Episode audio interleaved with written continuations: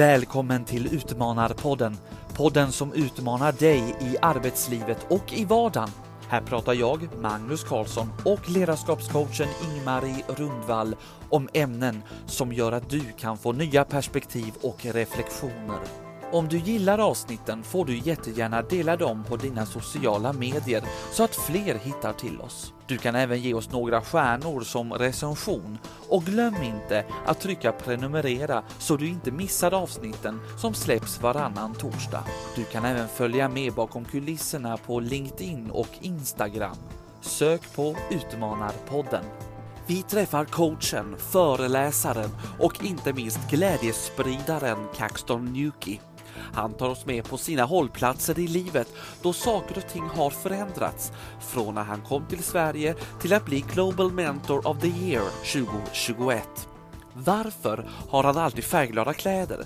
Vad vill han göra framåt? Hur får han med sig publiken? Alla de svaren och många fler får ni i avsnitt 75.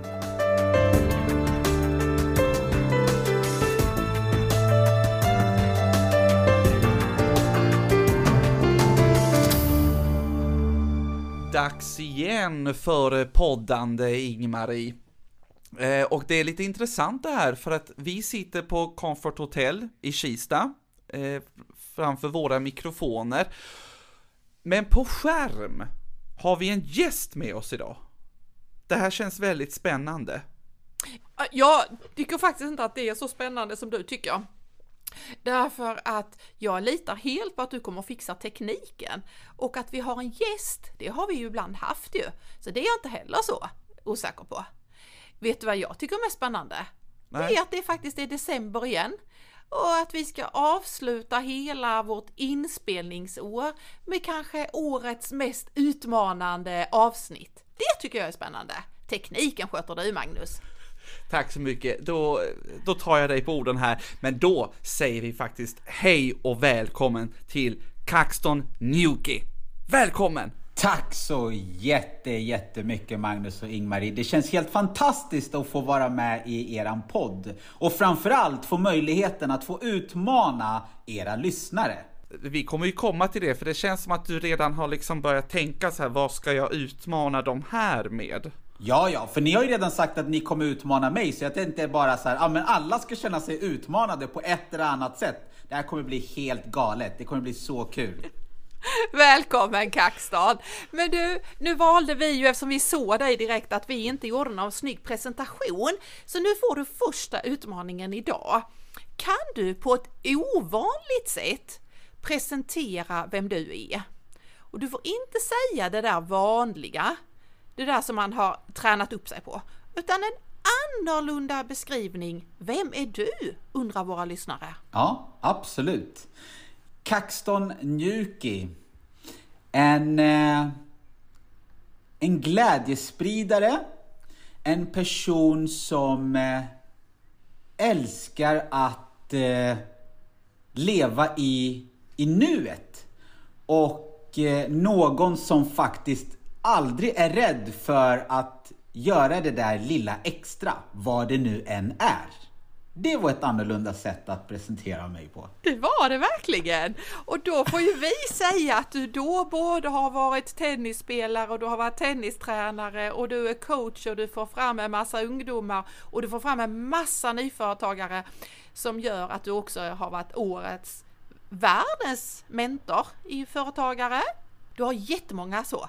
Men egentligen är du här i Utmanarpodden för att du är Caxton. Ja. Det är väl fint? Det är jättefint och eh, ja, alltså att, att få vara sig själv och accepterad för den man är, det är väl det bästa och det vill väl alla. Så att jättestort tack för det Ingmarie. Vi brukar tänka så här, livet har format oss. Eh, det formar oss, men vi är också själva med och formar det. Eh, vi tänker och brukar utmana våra så här besökare, gäster, till att tänka kan du se några hållplatser som har funnits i ditt liv som har gjort att du är den du är idag? Ja, absolut. Det, det kan jag ju verkligen se och eh, ja, alltså första hållplatsen är ju att eh, landa på Arlanda 1987 eftersom jag var född i Uganda så var det ett jättestort steg och eh, jättestor bidragande orsak till vem jag är idag och de möjligheter som jag har lyckats förvalta eh, som vi får här i Sverige. Där, där många har samma möjligheter men de kanske inte tar vara på dem. Eh, och jag kanske föddes då helt enkelt med ett annat sorts perspektiv. Jag fick möjligheten till ett annat perspektiv och det gör att ja, jag har valt att se Sverige idag som ett smörgåsbord. Så det är väl första utmaningen absolut skulle jag vilja säga. Vad gör att du tänker tillbaka? Hur gammal var du när du kom? Jag var fem år när jag kom och det som gör att jag tänker tillbaka är ju många historier som jag har fått höra hemma vid köksbordet, middagsbordet. Men också när jag kommit hem och, och gnällt lite grann på att ah, men det är lite jobbigt nu och det är mycket läxa och vädret och ja, men du vet sådär allmänt som man kan göra som svensk och tycka att nej det är lite jobbigt. Så har ju de hela tiden påmint mig, de är alltså mina föräldrar, att jag hade det varit lättare om du bodde i Uganda och tycker du att det är så himla jobbigt, ja men då kan vi köra dig till Arlanda så åker du bara tillbaka. Och då jädra har jag förstått att ja, alltså så jobbigt kanske det inte är med nationella prov eller matte, engelska eller några glosor som man ska lära sig. Ja, vad härligt! ja, så, så där, var en, där var en första hållplats.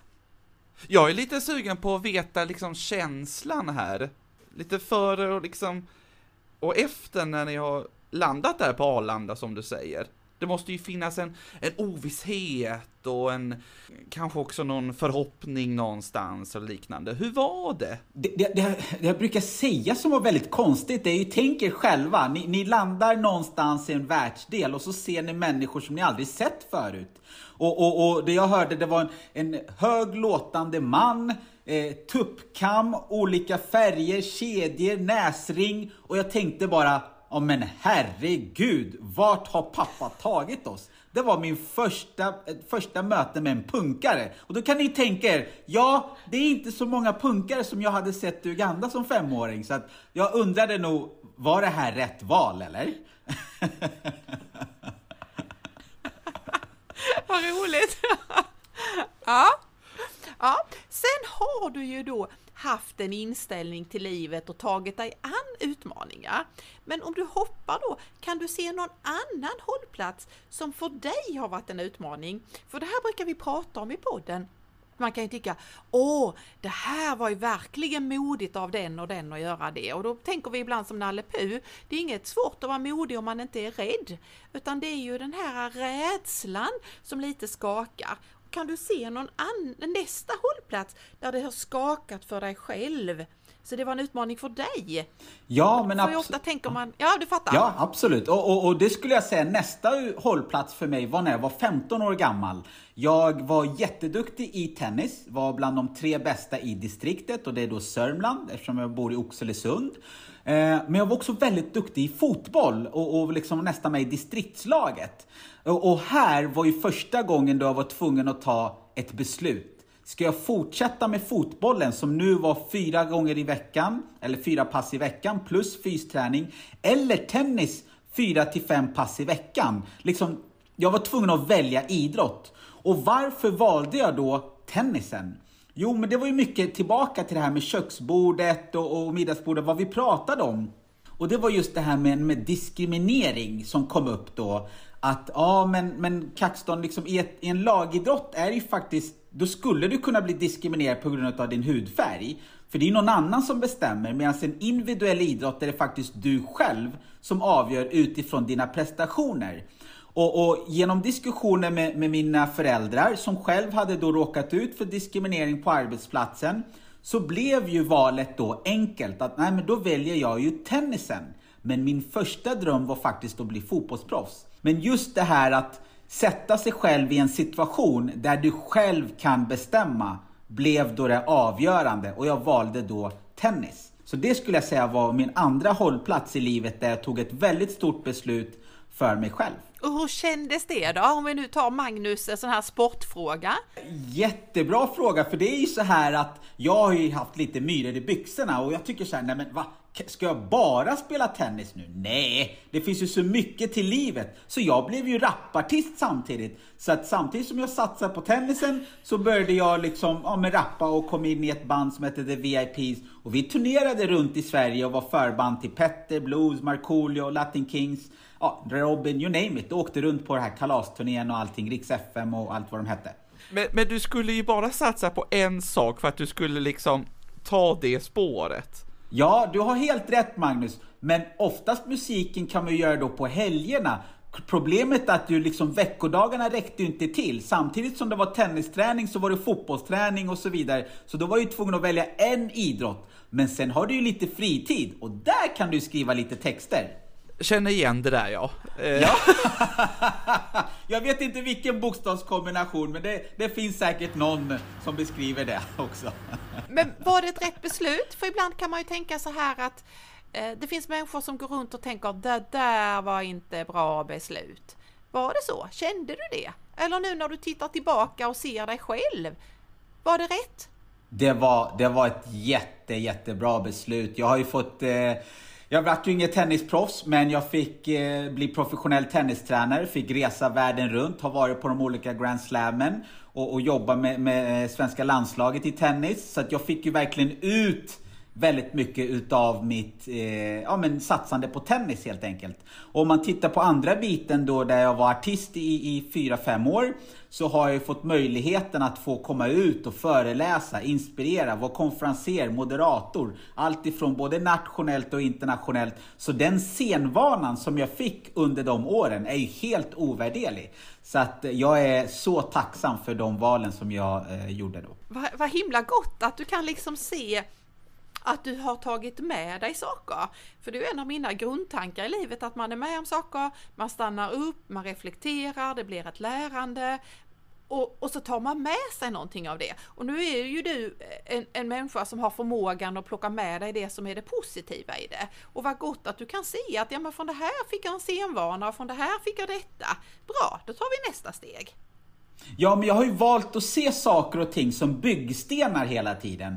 Så att det som jag brukar säga till de som jag coachar är ju inte vad har du lärt dig, men vad har du lärt dig om dig själv? För det är egentligen bara det som är intressant. Vilken byggsten har du tagit med dig så att du ska kunna utveckla dig själv mot ditt mål? Det är jättelätt att apa efter liksom det som kursen har sagt att du skulle ha lärt dig och så vidare. Men det är inte intressant. Det som är intressant är vad har du lärt dig om dig själv? Och då kan det vara så här, ja, jo men jag kanske måste våga lite mera. Eller jag har faktiskt lärt mig att jag har ju faktiskt blivit bättre på att mingla. För nu när jag var på den här nätverksträffen så såg jag ju till att träffa nya människor istället för att hänga med dem som jag kom dit med. Den här synsättet får du människor till att förstå. För att det du säger kräver ju rätt så mycket mod hos dem du pratar med. Att våga ta på sig glasögonen och kolla inåt. Absolut, och, och det är ju någonting som jag gör väldigt klart med de som jag jobbar med och coachar, det är att jag är faktiskt inte här för att bli din bästa kompis. Jag är här för att hjälpa dig att komma utanför din komfortzon. För att det är där, that's where the magic happens baby. Så det är där det händer. Så det, det, det är vad jag kommer göra. Jag kommer försöka knuffa dig utanför din trygghetszon, men på ett kärleksfullt sätt, självklart. Jag vill ju ditt bästa i slutändan. Så att lyssnarna också hänger med i det här. Du satsade ändå liksom en del på tennisen, samtidigt som du var rapartist också. Men sen så slutade du det. Ja, jag var 20 år gammal, insåg att nej, jag blir ju inte nästa Björn Borg. Och, och, det är självklart, det är mina föräldrars fel. Jag är 1,70 lång och sådär, så vi älskar ju att skylla på andra varför inte vi har lyckats. Så det var ju absolut inte mitt fel. Det var mina föräldrar som inte hade pengar och råd att skjutsa mig och ta mig överallt i världen. Och jag var ju för kort så att liksom, jag fick ju springa mycket snabbare än alla andra. Så att det är alltid någon annans fel varför man inte lyckas. Äh, men lite skämt åsido. Så att, äh, men 20 års ålder inser att nej, jag kommer inte bli eh, tennisproffs. Eh, det här med musiken, ja, jag fick ju inte in tillräckligt mycket pengar för att kunna betala hyra och flytta hemifrån. Och då insåg jag så här, ah, jag måste nog tänka om. Och det här med att sätta mål, det hade jag ju med mig redan från idrotten. Så då var det ju snabbt sätta upp ett nytt mål och då blev det då vid 20 års ålder, jag ska bli professionell tennistränare. Och med det menar jag att jag ska då kunna livnära mig på att bara jobba med tennis. Inte ha det som hobby, men att kunna coacha och få tillräckligt mycket pengar för att kunna betala hyra. Och då gjorde jag det och då fick jag ju ta reda på, ja men vad är det som kommer att krävas då? Det är enkelt att sätta upp mål och säga massa saker, men vad ska du göra för att uppnå de här sakerna? Så då gick jag in på Svenska Tennisförbundets hemsida och såg att ja, men här finns det kurser, olika nivåer och så räknade jag ut att det kommer ta mig tre år för att gå igenom alla kurser som finns till att ha den högsta liksom, behörigheten, som var TK4 då. Så då gjorde jag det. Så vid 23 års ålder så hade jag den högsta eh, behörigheten i, i Svenska Tennisförbundet. När du är sådär beslutsam då, kommer det liksom tvivel längs vägen? Men fasen håller jag på med och är det värt detta och här sitter jag och pluggar och här gör jag detta. Eller är du sådär målmedveten som det kan låta i din berättelse här? Mm. Jättebra att du säger det Ingmarie och det är ju så här att vi går tillbaka till det här jag pratade om perspektiv. Så att jag vet ju så här, okej okay, den här möjligheten som jag får här kostnadsfritt, för det är ju någon annan som betalar för den här utbildningen som jag får gå. Alltså en tennisklubb som betalar för att jag ska då kunna utbilda mig. Men ser det ut så i resten utav världen? Är det så att det är andra som kommer faktiskt betala för din utbildning? Men tittar vi nu, om du ska gå plugga på högskolan, du kan få CSN. Det är alltså andra som investerar i dig. Sen kan du betala tillbaka, men alltså den möjligheten finns inte överallt. Så då, då var det jätteenkelt för mig. Antingen så gnäller du, eller så löser du det här. Så för mig var det, jag har redan gnällt färdigt, för jag visste att ja, Arlanda, det är bara att ta planet direkt tillbaka till Uganda om du, om du inte trivs. Okej, okay. ja, jag är med. Är du med Magnus på var vi är i, i Kaxtons eh, liv här liksom? Ja, jag, jag försöker att hänga med. jag är 23 år gammal, där är jag. Det är du inte nu, men du var då i vår ja, berättelse. Ja, men när, när, kommer, när kommer nästa sån här hållplats då? Det var fem och så var det när du var 15 år. Det var 10 år. När kommer nästa? Där det skakar i din mage. Mm, jättebra. Och nästa kommer när jag är 27-28. Jag har gjort det mesta inom tennis. Jag har coachat på VM, EM, åkt runt i världen med spelare och så vidare. Och så bara kände jag så här, men, men vad ska jag göra nu? Jag har ju gjort allting där. Och nu börjar min företagarresa. Att starta företag för att kunna bredda mig och kunna komma ut emot näringslivet, skolor, ungdomar. Få med sig de här verktygen som har gjort att jag har kunnat uppnå alla de här sakerna inom idrotten. Tänk om även unga skulle kunna få det tidigt. Hur skulle det fungera i näringslivet om vi går in och jobbar med de här verktygen? Hur skapar vi ett bättre team? Hur ökar vi motivationen? Vad har vi för ledarskap? Vad skapar vi för kultur för att kunna prestera? Vi säger att vi har högt i tak, men vad innebär det och vad är det för sorts beteenden som vi letar efter som faktiskt säger så här, ja, det är högt i tak här. För alla kan säga det och det kan se snyggt ut på en kick-off på en powerpoint. Men när vi går in och grottar och tittar på hur är det egentligen? Ungefär som vi skulle nästan smygfilma alla så kommer vi fram till att nej, nej, nej, nej, nej. Det är ju inte så på det här stället. De beter sig inte på det sättet. Men alla vet vad de ska svara. Ja, just det. Och nu utmanar jag dig och nu stannar vi kvar. Du är 27 år, du ska starta en ny liten resa. Gör du likadant då att du går in på en hemsida och ser de här kurserna behöver jag gå och sen är jag klar om tre år igen. Eller vad gör du där då? Jag hör att du har ett tänk, men vad gör du? Ja, vad kul! För det blev verkligen så. Jag satt framför datorn och helt plötsligt så såg jag Nyföretagarcentrum Östra Sörmland. Kostnadsfri rådgivning. Va? Wow! Då ringde jag ju direkt, tog telefonen, ringde och på andra sidan så svarade en fantastisk kvinna som heter Birgit Bovner. Och eh, hon frågade när kan jag komma? Ja, men jag kan komma redan imorgon. Så klockan nio efter mitt tennispass så var jag inne på hennes kontor och började min företagarresa. Var du nervös? Nej, jag var inte nervös, men jag var eh, förväntansfull och eh, jag kände så här att ja, men, här kommer jag ju kunna få hjälp. Så det handlar nummer ett om att lyssna och ta till sig. Ibland är det kanske det som är det svåraste för många. Hjälp finns där ute, men, men har du förmågan att bara kunna lyssna och ta in? Ja, men nu är det ju lite så här att när vi möter dig i en podd och när du är ute och föreläser så, så är det ju lätt att tro att du inte har några öron.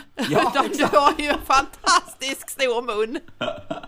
Ja, så behövde du utmana dig själv och tänka nu är det jag som sätter mig i en ny situation. Därför att du hade ju följt en massa tennisspelare och de, du sa till dem gör så här, tänk så här, nu har vi ett prat och de skulle lyssna. Kändes som att det blev tvärtom där. Du skulle sätta dig hos Birgit. Ja, visst, visst blev det tvärtom. Och, och det är många gånger som man säger så här att ja, man ska ju leva som man lär. Så att det var ju verkligen en utmaning att ja, men nu ska jag sitta här lite grann, säger skolbänken, och lyssna och ta in och skatt och moms och allt det här och hur fungerar det och bankkonto och allt det här och privatkonto, företagets konto. Ja, men man fick ju verkligen gå ner på noll. Eh, men det som jag eh, gjorde och eh, som även Birgit har tagit upp det är att jag utmanade henne. Jag ville ju ha läxa. Och inte bara en eller två eller tre. Jag ville ha tio läxor. Vad ska jag göra den här kommande månaden? Ge mig tio uppgifter. Och efter två veckor, då hade jag gjort alla uppgifter och ringde tillbaka. Jag är klar, vad är nästa? Så att efter ett halvår, då sa hon så här. Jag har, jag har gett dig allt jag kan. Du ska komma in i ett mentorskapsprogram.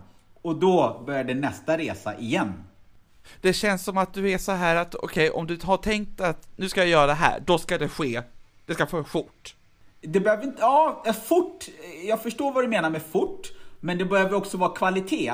Eh, men, men jag väntar inte liksom, jag står inte och funderar över så här, ja, ska jag göra det eller inte? Om jag har tilltro till dig och du är då min, min, min vägledare, min coach och så vidare. Då gör jag precis det du har sagt. För det är så jag har varit. Jag vill ju att de som jobbar med mig, de litar ju blint på att Caxton kommer göra allt för att hjälpa mig. Som han säger, vi ska gå höger. Ja, men då ska inte du gå vänster. Då går du höger, för du vet att Caxton har redan analyserat, funderat, han har lagt x antal timmar på att förstå varför just du ska gå höger. Mm, Men vänta ett tag, nu måste vi kasta in någonting helt annat. Nu kommer det något från höger här Magnus, vi är bra på det. Nu kommer någonting från höger här. Jag undrar, hur gör du när du dammsuger? Är du lika liksom målmedveten och börjar i lägenhetens lilla rum och så? Eller bara svischar du? Alltså jag bara inte, det här otroliga drivet du har, är det likadant? Berätta, hur gör du när du dammsuger och diskar? Oj, oj. Ja, den där kom verkligen från höger. Och det jag gör när jag dammsuger, för jag tycker inte det är så himla roligt att dammsuga. Jag ska inte stå här och ljuga och, och säga att det är det roligaste jag vet. Så då lyssnar jag oftast på en podd. Hur kan jag göra den här situationen så att jag faktiskt får ut någonting utav det, gör någonting roligt. För att gå runt och tycka så här, ah, det är jättetråkigt att dammsuga. Det kommer inte öka kvaliteten. Troligtvis kommer jag kanske skippa något rum eller något hörn och, och bara slarva mig igenom. Men om jag lyssnar på någonting, ja, men som en podd, och skulle kunna vara eran, då, då njuter jag samtidigt. Då, då kommer jag ju vara ännu noggrannare när jag dammsuger, för jag har inget bråttom. Jag tror vi får ställa samma fråga till oss. Magnus, hur gör du när du dammsuger? Jag lyssnar på musik eller lyssnar på podd. Okej, Va, vad gör du då eftersom du sa okej? jag lyssnar på böcker. Ah, okej. Mm. Men vi gör ju någonting. Vi, det är ju inte så att vi alla tre har ju det här gemensamma att vi, det är ju inte bara dammsugning, utan vi gör någonting under tiden också. Ja, fast jag har inte sett det riktigt så glädjefullt som Kaxton, utan det har varit mer från min sida varit lite överlevnad eller så. Nu när Kaxton berättade så ser han ju till och med nästan glad ut när han ska dammsuga, bara för att då får han ju liksom lyssna på en podd. Jag tycker han ser glad ut hela tiden, så att eh, Okej, okej, ja ja, men nu det har vi känns som att du går genom livet med ett leende på läpparna.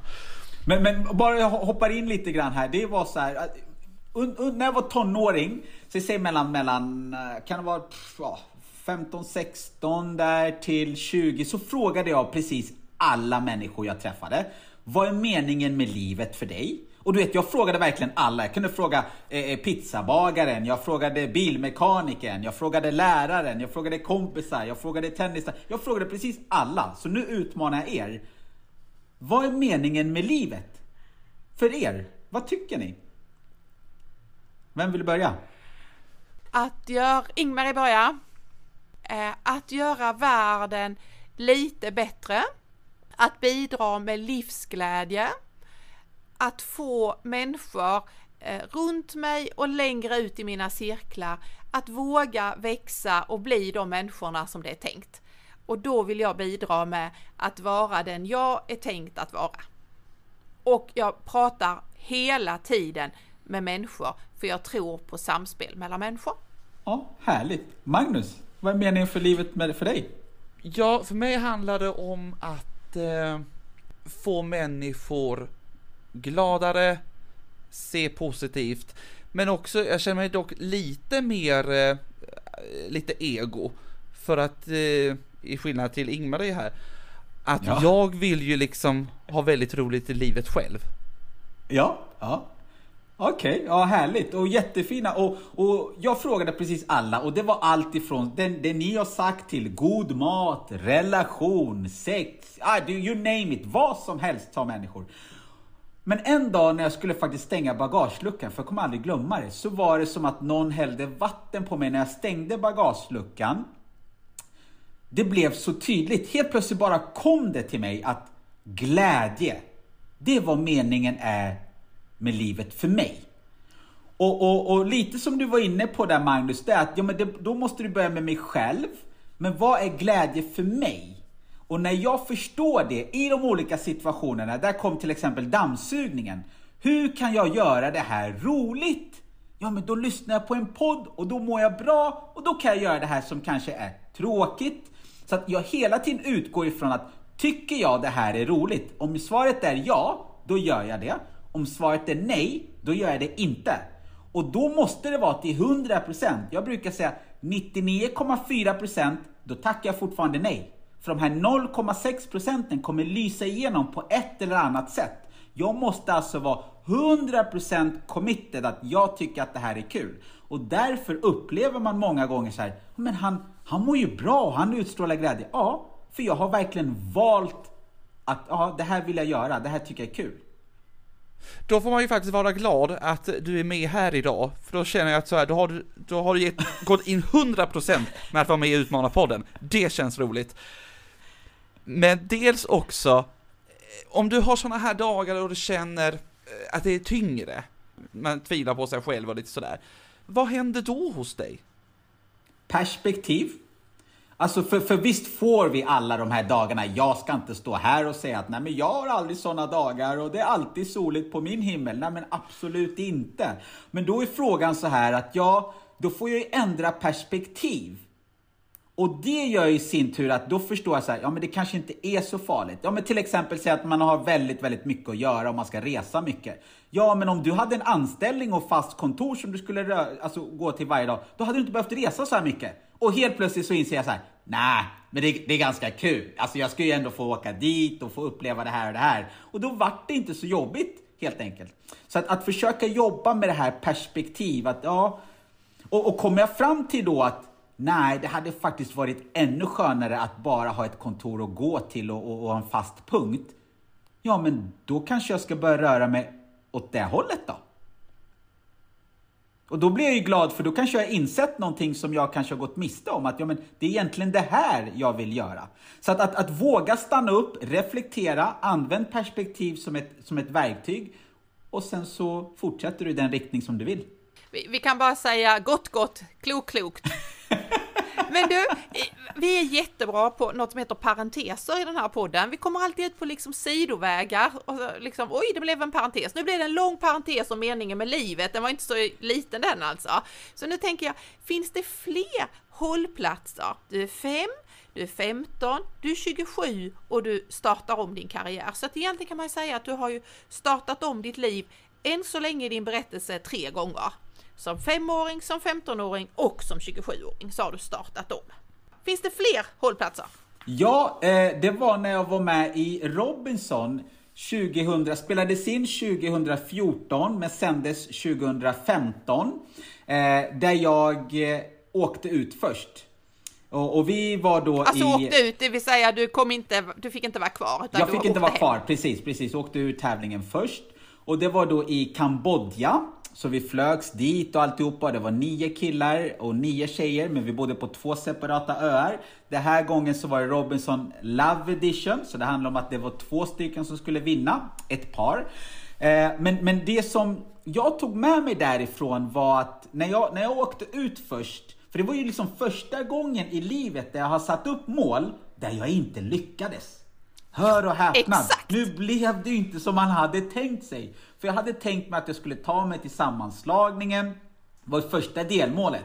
Så att, att åka ut allra, allra först, det var ju absolut, fanns ju inte på kartan liksom. Eh, och, men vad hände då när jag kom hem? Jo, men då var det första gången som jag fick uppleva ångest, depression, negativa tankar. Så att hade aldrig liksom fått uppleva de här negativa krafterna och hur det är verkligen att vara på botten.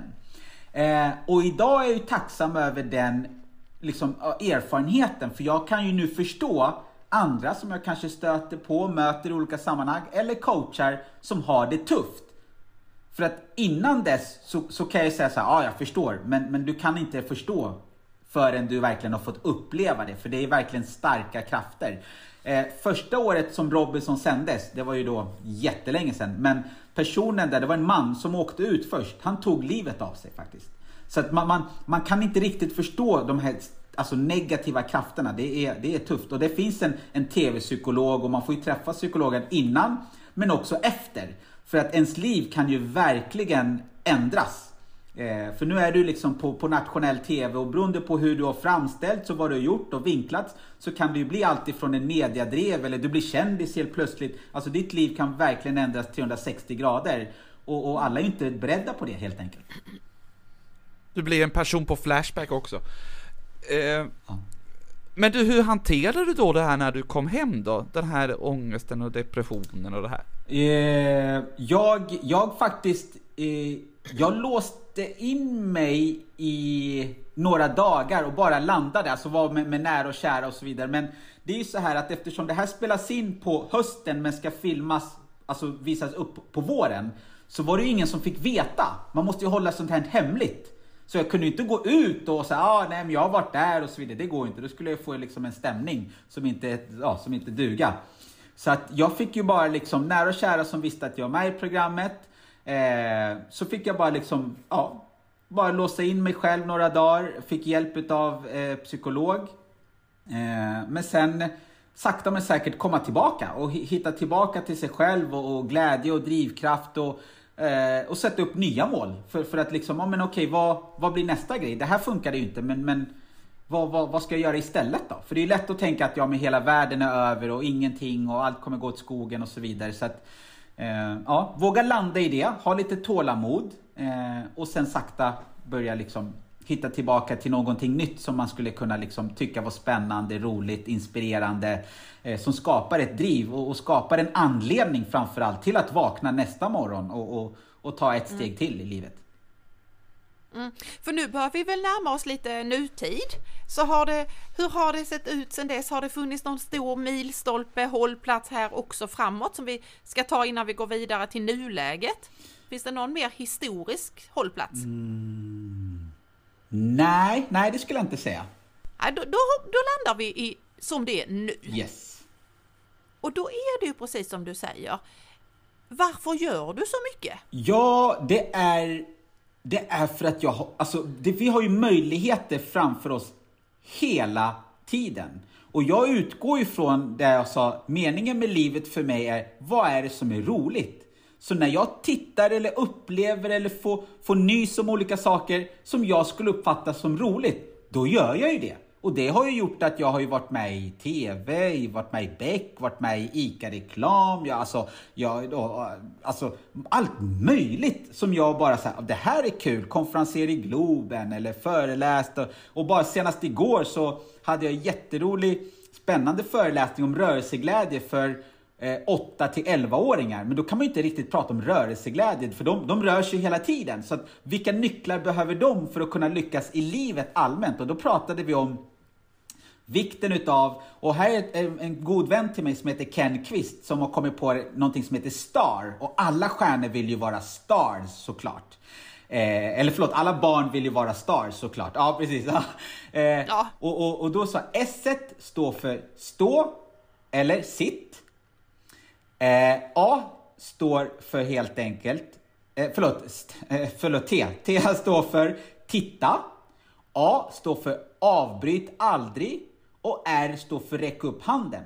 Så kan man få med den grunden att när någon pratar, då står du eller sitter.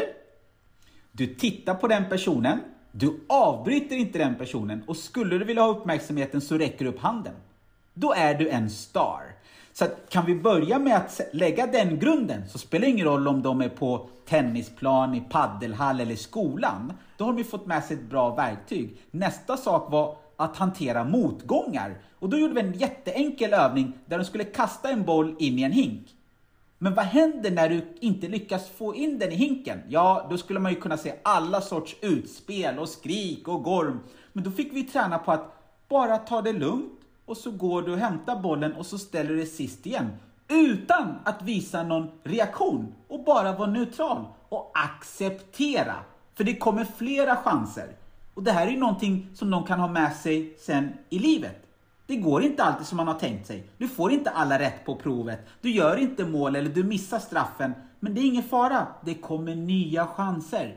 Så att ja, det var Ja, vad jättespännande. roligt! Men jag tänker så här, var du själv en sån som slog tennisklubban i rack, eller det? tennisracket, förlåt, och Ja, jag är mer van vid andra sporter. Tennisracket, ingen jädra klubba där, förlåt Nej. mig.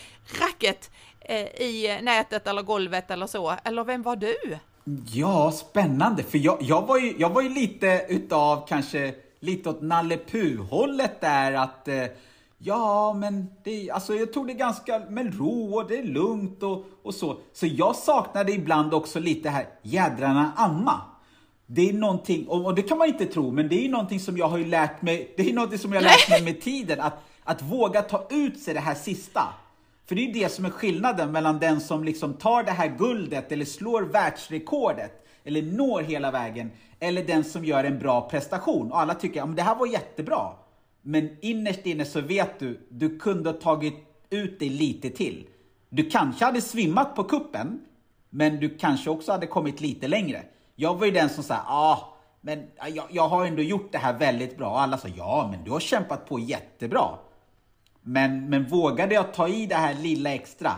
Nej, det, det gjorde jag inte kanske. Och, och det har jag ju något... Äh, Gör du det nu då? Gör du det Oh ja, nu då oh på uppdrag oh som ja. du får? För, Det, för nu driver du ju ett företag, du jobbar med coachning, du är föreläsare och så. Tar du ut dig nu så du nästan kräks efteråt? Ja. För att jag vet att det är inte så farligt som, som den bilden vi målar upp i huvudet. Det är inte så farligt. Jag kommer ihåg också, blir det inte en parentes här, men jag fick förmånen att få vara konferenser till eh, Eric Gadd, The Moniker och Thomas Di Leva.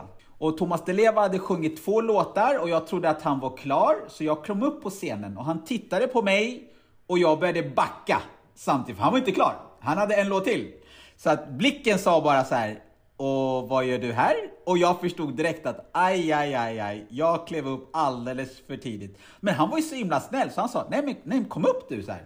Så då kom jag upp på scenen och, och så frågade jag, ja men vad, vad, ah, nej jag trodde så, ah, nej men det gör jag inte, jag tänkte köra en låt till. Ja men det går bra. Så det var liksom en rolig grej utav det hela. Och så klev jag av och så självklart efteråt så kom jag in i logen och så bad hemskt mycket om ursäkt, förlåt, det var inte meningen, jag läste fel i papperna. Och då sa han till mig så här, Kaxton, du behöver inte oroa dig för det är ingen som tycker om någon som tror att den är perfekt. Det är helt okej. Och sen den dagen, oj, oj, oj, alltså, va? Det är bara att köra. Alltså Thomas Di Leva sa, det är ingen som tycker om någon som tror att de är perfekta.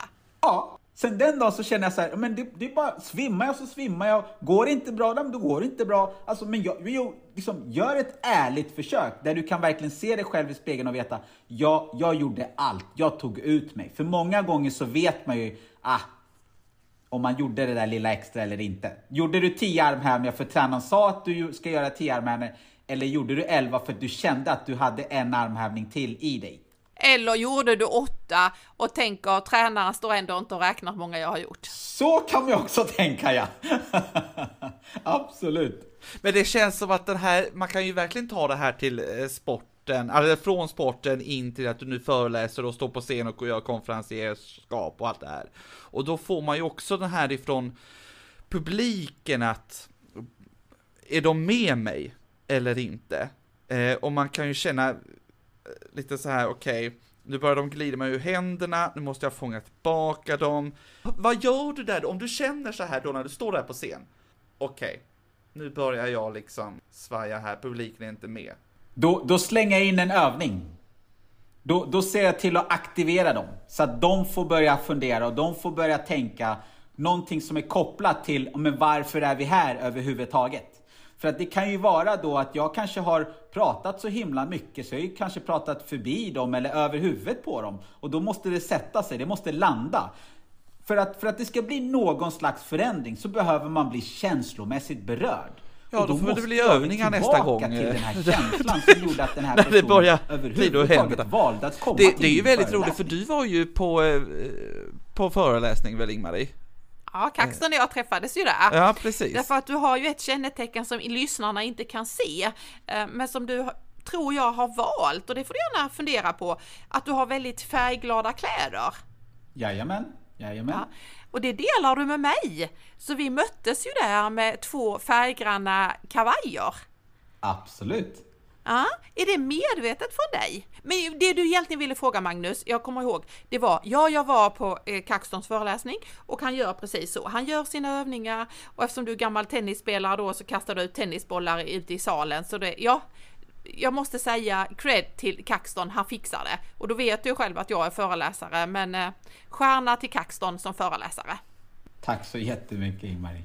Men nu tar vi kavajerna och de färgglada kostymerna. Varför har du det? Tycker inte du att du sticker ut tillräckligt med att ha en annan hudfärg och ett annat frisyr och ett annat skägg och allt vad du redan har? Ja, men du vet Ingmarie, lagom har ju aldrig varit ett alternativ. Så vi går all in, all inclusive när jag kommer. och, och, då kan man tänka sig så här, ja all inclusive, vad menas med det? För det är precis som du säger, jag sticker redan ut, men hur kan vi då gå en litet steg till? Och det var ju så här att eh, jag fick då förmånen att få, få inspirera nere i Båstad för näringslivet och även UF-ungdomar, eh, elever. Och det är ju så här för att de hade ju fått priset som Årets nyföretagarkommun 2020 men på grund av pandemin så fick man ju skjuta upp olika folksamlingar och så vidare. Och nu så skulle, skulle de ju få det här priset och få, få göra någon aktivitet kopplat till det här priset. Och då är frågan, vem är det som delar ut det här priset? Jo, då är det Visma. Och jag är ambassadör för Visma och har varit det i över tio års tid. Och Vismas färg är ju rosa. Så det passar ju perfekt då att jag har en rosa kavaj. För det liksom passar in hela temat där. Så att ja. Jag försöker alltid fundera. Eh, förra veckan så var jag, eh, eller i helgen var det, eh, så hade jag börshelg. Eller förlåt, Unga Aktiesparare hade börshelg och hade tagit in mig. Och om ni har koll på dem så har de en grön logga. Ja, och mycket riktigt kan ni gissa vad jag hade för färg på kostymen. Ja, den var grön från topp till tå. Både kavaj, byxor, väst, hela, hela rubbet. Så jag, jag såg ut som en vandrande eh, logga där nästan. alltså, nu, nu, nu tar vi en ny parentes i den här mycket glädjefulla podden. Då tänker jag så här, jag måste bara ställa den här frågan. Eftersom dina kavajer och dina kostymer, det är ju inte ljusrosa och det är inte normalblå, utan det är blå, blå, grön, grön och cerise, cerisrosa. Får du dem uppsydda eller kan man köpa dem i en eh, Det går absolut att köpa dem och där får jag ju tacka väldigt fina sponsorer som stöttar mig, Zootopia.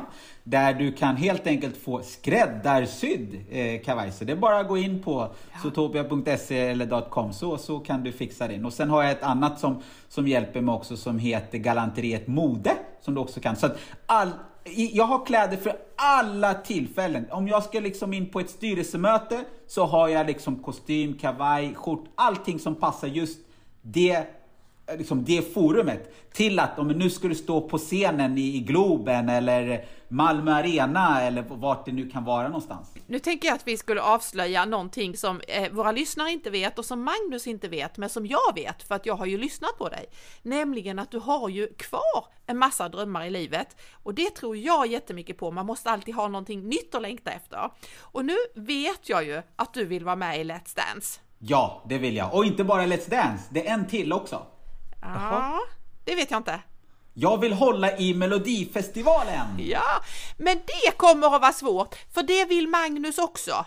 Ja, men då gör vi det tillsammans! Men då gör vi tillsammans, det är ju perfekt! då så, då, då måste vi sätta upp mål för det här nu.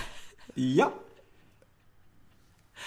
Du, då tänker jag bara så här, har du kläderna klara även för det? Både för Let's Dance och Melodifestivalen? Det är så här att eh, eftersom det är skräddarsytt så får vi se det året som vi ska då vara med och vi får kolla vad är det för färgtema och det är självklart det kommer vara olika färger för olika städer och det beror på vilka städer. Du, du hör ju hur jag går igång va? Så jag, jag har en hel lista på Sen så finns det i loggan så finns det ju olika färger som är för varje liksom deltävling och så, så det skulle ju kunna ha eh, en färg för varje så, så, som är i loggan liksom. Så precis, precis. Jag ser det här framför mig. Ja, alltså det är helt underbart. Tänk om det är så att det är Ingmarie som har sammanfört de här två. Då vill jag sitta på första raden i mina rosa kläder och säga Åh, heja er! För att jag känner er båda två då. Är det okej? Okay? Absolut! Det är bara att du Absolut. säger till. Och vill du vara med på alla deltävlingar så får du vara med på det. Är det bara en du kan... Du, du säger bara till så ordnar vi det. VIP-paketet till dig alla dagar i veckan. och vill du tävla så ska vi försöka att eh, ta in dig lite på det sättet också. Vi ska prata för dig i så fall. Ja, nu vet ni vad, nu, visserligen är det här lite terminsavslutning, men vi måste ju ändå försöka hålla något visst eh, fokus i den här podden. Det går så där. Nu tänker jag så här på Kaxton. Ja. Nu kommer en, en, eh, en, en eh, fråga som har med anatomin att göra. Du vet okay. anatomi, kroppen. För då, ja. då går jag runt och tror att det är så här att det finns en muskel som, eh, som de har missat i anatomin, som inte har kommit in i några faktaböcker, nämligen en modmuskel. Mm. Mm. Och då undrar jag, tror du att du har en större modmuskel än andra? Eller vad är det som driver på dig? Förutom glädjen, hotet om att åka till Arlanda, så vad är det som fortfarande utmanar dig och får dig till att vilja? Eh, om, om jag förstod det första frågan så tror jag att vi alla människor har faktiskt lika stor modmuskel från början. Men olika saker i vår omgivning kan utmana, träna medvetet och ibland omedvetet den här muskeln till att bli starkare för att vi ska klara oss. Men den dagen du blir medveten om att det här är någonting som du kan träna, wow! Då tar, vi, då tar du över makten utav den här muskeln och kommer kunna använda den på ett fantastiskt sätt Eh, och det, det, är lite så jag har valt att se det. Att det, det fler gånger jag sätter mig i olika situationer, det starkare blir jag. Och någon gång så kommer jag verkligen bli utmanad och då är det bra att jag har gjort min läxa och tränat innan. Eh, den sista här, eh, vad var det nu Ja, det är ju liksom, var, var får du drivet ifrån? Alltså... Ja, drivet ifrån får jag ifrån perspektivet, men det var väl någonting kopplat till vad, vad jag fortsätter. Ja, vad du, ja du vad, du, vad du fortsätter att utmana sig och varför du fortsätter och ja, så. så var det, precis. Kommer ja. du någon gång eh, bli och, mätt? eh, nej, för att du kan alltid, du kan alltid utvecklas. Eh, för det, det, är som, lite grann som under min resa, så sa jag att när jag var 27 där så insåg jag men jag har gjort allting inom tennisen. Men okej, okay, vad kan du göra istället? Ah, då startar jag ju företag och då tar jag med mig de här nycklarna och erfarenheten och kunskapen ifrån tennisen in i nästa bransch eller nästa liksom skede av livet. Och det är lite så jag ser på saker och ting och därför har jag ja, jag har varit alltifrån artist till att också vara manager och hit och dit. För att det är människor överallt. Det är bara att det är olika arenor brukar jag säga. Nu är vi en näringslivsarena, sen är vi en idrottsarena och sen är vi en musikbransch. Men det är fort, gemensamma nämnaren är ju människor som ska på ett eller annat sätt ta sig från A till B. Och då tycker jag att det är spännande. Spelar ingen roll om det är ett styrelserum. Ja, det är fortfarande människor där, men det är ett företag som ska nu ta sig från A till B. Ja, det, man kan väl säga att eh, det var ju verkligen en, en sammanfattning känns det som. Eh, fortsätt med drivet. Eh, är väl det man skulle kunna säga. Det vi hade i början så pratade du mm. om utmaningar. Yes. Eller det har vi gjort hela tiden, men du nämnde lite ja. det. Och nu ska du få komma till det här. Att ja, vad okay. är det som du vill utmana oss med och lyssnarna? För varje gäst som mm. gästar Utmanarpodden får nämligen ge en utmaning. Och nu tänker jag att du har tänkt ut något riktigt spännande här. Ja, det har jag. Och det är så spännande så det är så himla enkelt, men otroligt kraftfullt. Och det är att byta ut det här ordet ha. Ha en bra dag, ha ett bra möte, ha en bra helg. Vi säger det hela tiden, slentriant. Men vad händer om vi byter ut ordet ha mot skapa? Skapa ett bra möte, skapa en bra eftermiddag eller kväll, en kommande helg som det är för oss nu, eller vad det kan vara för någonting. Men just byt ut ordet ha mot skapa, för nu så är det aktivitet. Vad ska du göra för att skapa ett bra möte, eller en bra kväll eller en bra helg? Saker och ting händer ju inte bara av sig själv. Ibland så blir det jättebra och det är kul. Och då brukar vi säga så här, åh det var spontant. Ja visst. Men alldeles för många gånger så blir det så här, oj, det blev inte riktigt som jag hade tänkt mig. Ja, jag, jag antar den direkt, jag, men jag är ju lite motvalls här, så jag måste bara fråga, är det okej okay om man säger gör istället? För det har jag provat någon gång och säga gör en bra helg. Det, det, är exakt samma. Jag tycker inte det låter lika sexigt bara.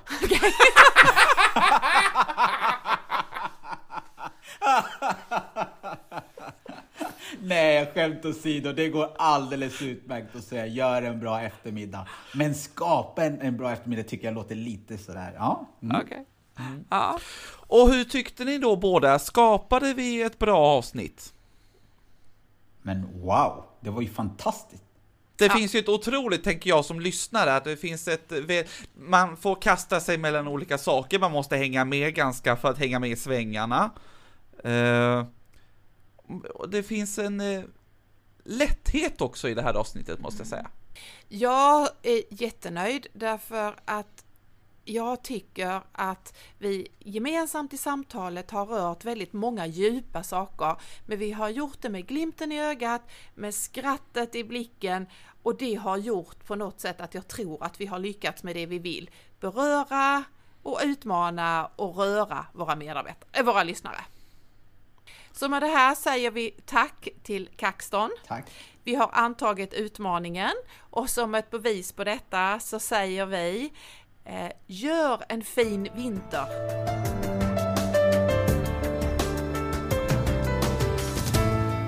Jag och Ingmarie vill rikta ett stort tack till dig som har lyssnat under 2022 och de andra åren tidigare.